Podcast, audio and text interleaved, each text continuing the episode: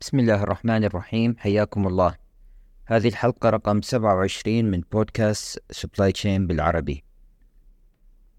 موضوع حلقة اليوم هو عن آفاق التعاون التجاري آه، بين الدول العربية وأمريكا اللاتينية. آه، وهنا آه، يعني أقصد بأمريكا اللاتينية المنظور الشامل اللي هو يعني كل الدول اللي هي من المكسيك إلى أمريكا الوسطى إلى أمريكا الجنوبية لحد ما ننزل جنوبا إلى تشيلي والأرجنتين. قبل ما أبدي بال بالمجالات التعاون الاقتصادي والتجاري واللوجستي حبيت أنه أوضح أنه بالتحضير لهذه الحلقة اتضح لي أنه أوجه التشابه كثيرة الاقتصادية بين مجموعة الدول العربية ومجموعة دول أمريكا اللاتينية. إذا نظرنا لعدد الدول الموجودة بهاي المجموعتين الدول العربية 22 دولة في حين دول أمريكا اللاتينية 21 دولة. آه، إذا نظرنا لعدد السكان والسوق الموجودة آه، أمريكا اللاتينية 666 مليون نسمة وبالدول العربية 465 مليون نسمة. فأيضا يوجد تقارب. إذا نظرنا للمساحة ال ال ال هذه الدول آه، مساحة الدول أمريكا اللاتينية بحدود 19 مليون كيلومتر مربع ومساحة الدول العربية بحدود 13 مليون آه، كيلومتر مربع. آه، إذا نظرنا للناتج القومي آه، لهذه الدول فالناتج القومي لأمريكا اللاتينية هو 6.2 تريليون دولار في حين الناتج القومي للدول العربية هو 7.1 تريليون دولار فأيضا تشابه. إذا نظرنا للجانب الثقافي واللغوي آه، فطبعا الدول العربية تتكلم اللغة العربية وبالديانة بشكل عام آه، يعني نفس الدين موجود بأكثر الدول آه، مع وجود طبعا أقليات مهمة وإلها مساهمات جدا مهمة بهذه الدول. أيضا نفس الشيء إذا ننظر لأمريكا اللاتينية يعني فقط البرازيل تتكلم برتغالي بقية الدول تتكلم اللغة الإسبانية بمجملها ما عدا قسم من جزر الكاريبي اللي هي تتكلم باللغة الإنجليزية وقسم من عدها تتكلم بالفرنسية. لكن الطابع العام وفي جزر أيضا تتكلم بالهولندية. لكن الطابع العام هو أن هذه الدول آه، تتكلم اللغة الإسبانية. آه، وأيضا آه، يعني الديانة العامة بهذه الدول هي ديانة موحدة اللي هي الديانة المسيحية مع وجود أقليات مهمة من ديانات أخرى في قسم من هذه الدول. فيعني إذن يوجد تجانس بين هذه الكتلتين فيما يتعلق بالتراث الموجود. أيضا توجد أقلية عربية ضخمة بهذه الدول يعني تقريبا 20 مليون شخص في أمريكا اللاتينية هم من أصول عربية. يعني تحديدا أصول من دول الشام لبنان سوريا فلسطين جاليات ضخمة. البرازيل لوحدها بها 12 مليون شخص من أصل عربي. قسم من هذول الأشخاص اللي أصلهم عربي يعني وصلوا لمناصب عليا بالدول اللي هم فيها يعني حتى رئاسة جمهورية وزراء آه، مثلا بالأرجنتين بالبرازيل آه، نيكاراغوا حاليا آه، في يعني كثير من الجالية العربية فنزويلا هي هم فعالين بالمجتمعات اللي هم هاجروا إلها. وطبعا الترابط بينهم وبين دولتهم الأم العربية لا يزال موجود بأكثر الأحيان. فيعني هذا أيضا يشجع عامل لتحفيز التجارة وأفق التعاون بين هذه الكتلتين الضخمة. لو ننظر للأرقام آه، بلغ حجم التعاون التجاري بين كتلة الدول العربية وأمريكا اللاتينية بسنة 2022 حوالي 100 مليار دولار. بزيادة تقريبا 10% عن عام 2021 فإذا زيادة يعني مضطردة وهذا أيضا ملحوظ آه، فيما يتعلق بوسائل النقل آه، يعني قسم من الطيران العربي العالمي حاليا آه، لديه خطوط مباشرة لأمريكا اللاتينية أيضا يعني كثير من خطوط الشحن الجديدة المباشرة من الدول العربية لأمريكا اللاتينية حاليا صارت متاحة.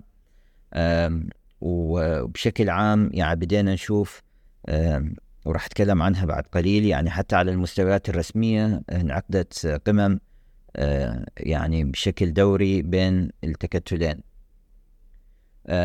لو نرجع للصادرات أنا ذكرت أنه 100 مليار دولار هو حجم الصادرات بسنة 2022 60% من هذه الصادرات هي صادرات عربية إلى أمريكا اللاتينية يعني بحدود 60 مليار دولار. بينما تمثل الواردات العربية من أمريكا اللاتينية حوالي 40% من حجم التجارة. فإذا الفائض التجاري هو لمصلحة الدول العربية بين هاي التكتلين وهذا شيء إيجابي. تشمل أهم الصادرات العربية إلى أمريكا اللاتينية النفط الخام والغاز الطبيعي والأسمدة وقسم من المواد الغذائية المصنعة وهذه الصادرات تمثل حوالي 80% من إجمالي الصادرات العربية إلى أمريكا اللاتينية فيما يتعلق بالواردات أهم واردات. من أمريكا اللاتينية للدول العربية هي المنتجات الزراعية والثروة الحيوانية يعني اللحوم والدجاج آه، وكثير من الخضار والفواكه آه، والقمح وكثير من المنتجات الحبوب أيضا آه، يعني هي تصدر من أمريكا اللاتينية إلى الدول العربية.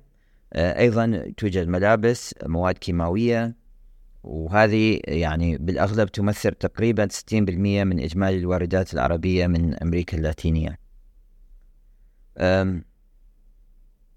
لو نظرنا إلى المجالات اللي هي ممكن أن تشهد آه، تعاون أكبر آه، بين الجانبين آه، التجارة أولا ممكن زيادة حجم التجارة بين الدول العربية وأمريكا اللاتينية من خلال إزالة الحواجز التجارية وتعزيز التعاون الاقتصادي.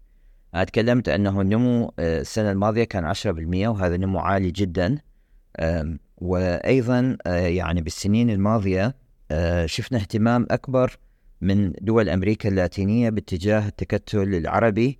آه، يعني آه، كتلة ممكن أن يتم تنويع الصادرات أمريكا اللاتينية.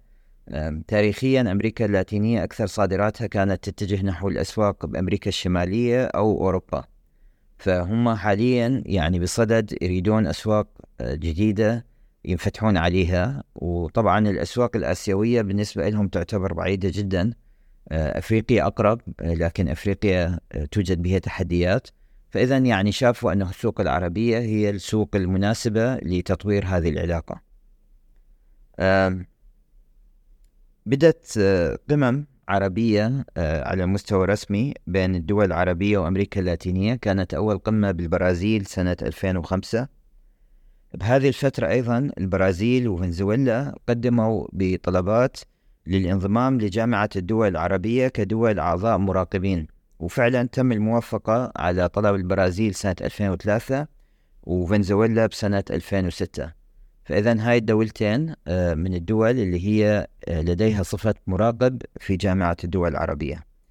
القمم أمريكا اللاتينية والعربية آه، كانت متتالية. يعني وراء 2005 قمة البرازيل كانت في قمم في قطر في البيرو في السعودية آه، والقمم هذه مستمرة بشكل آه، ممنهج المجال الثاني للتعاون هو الاستثمارات.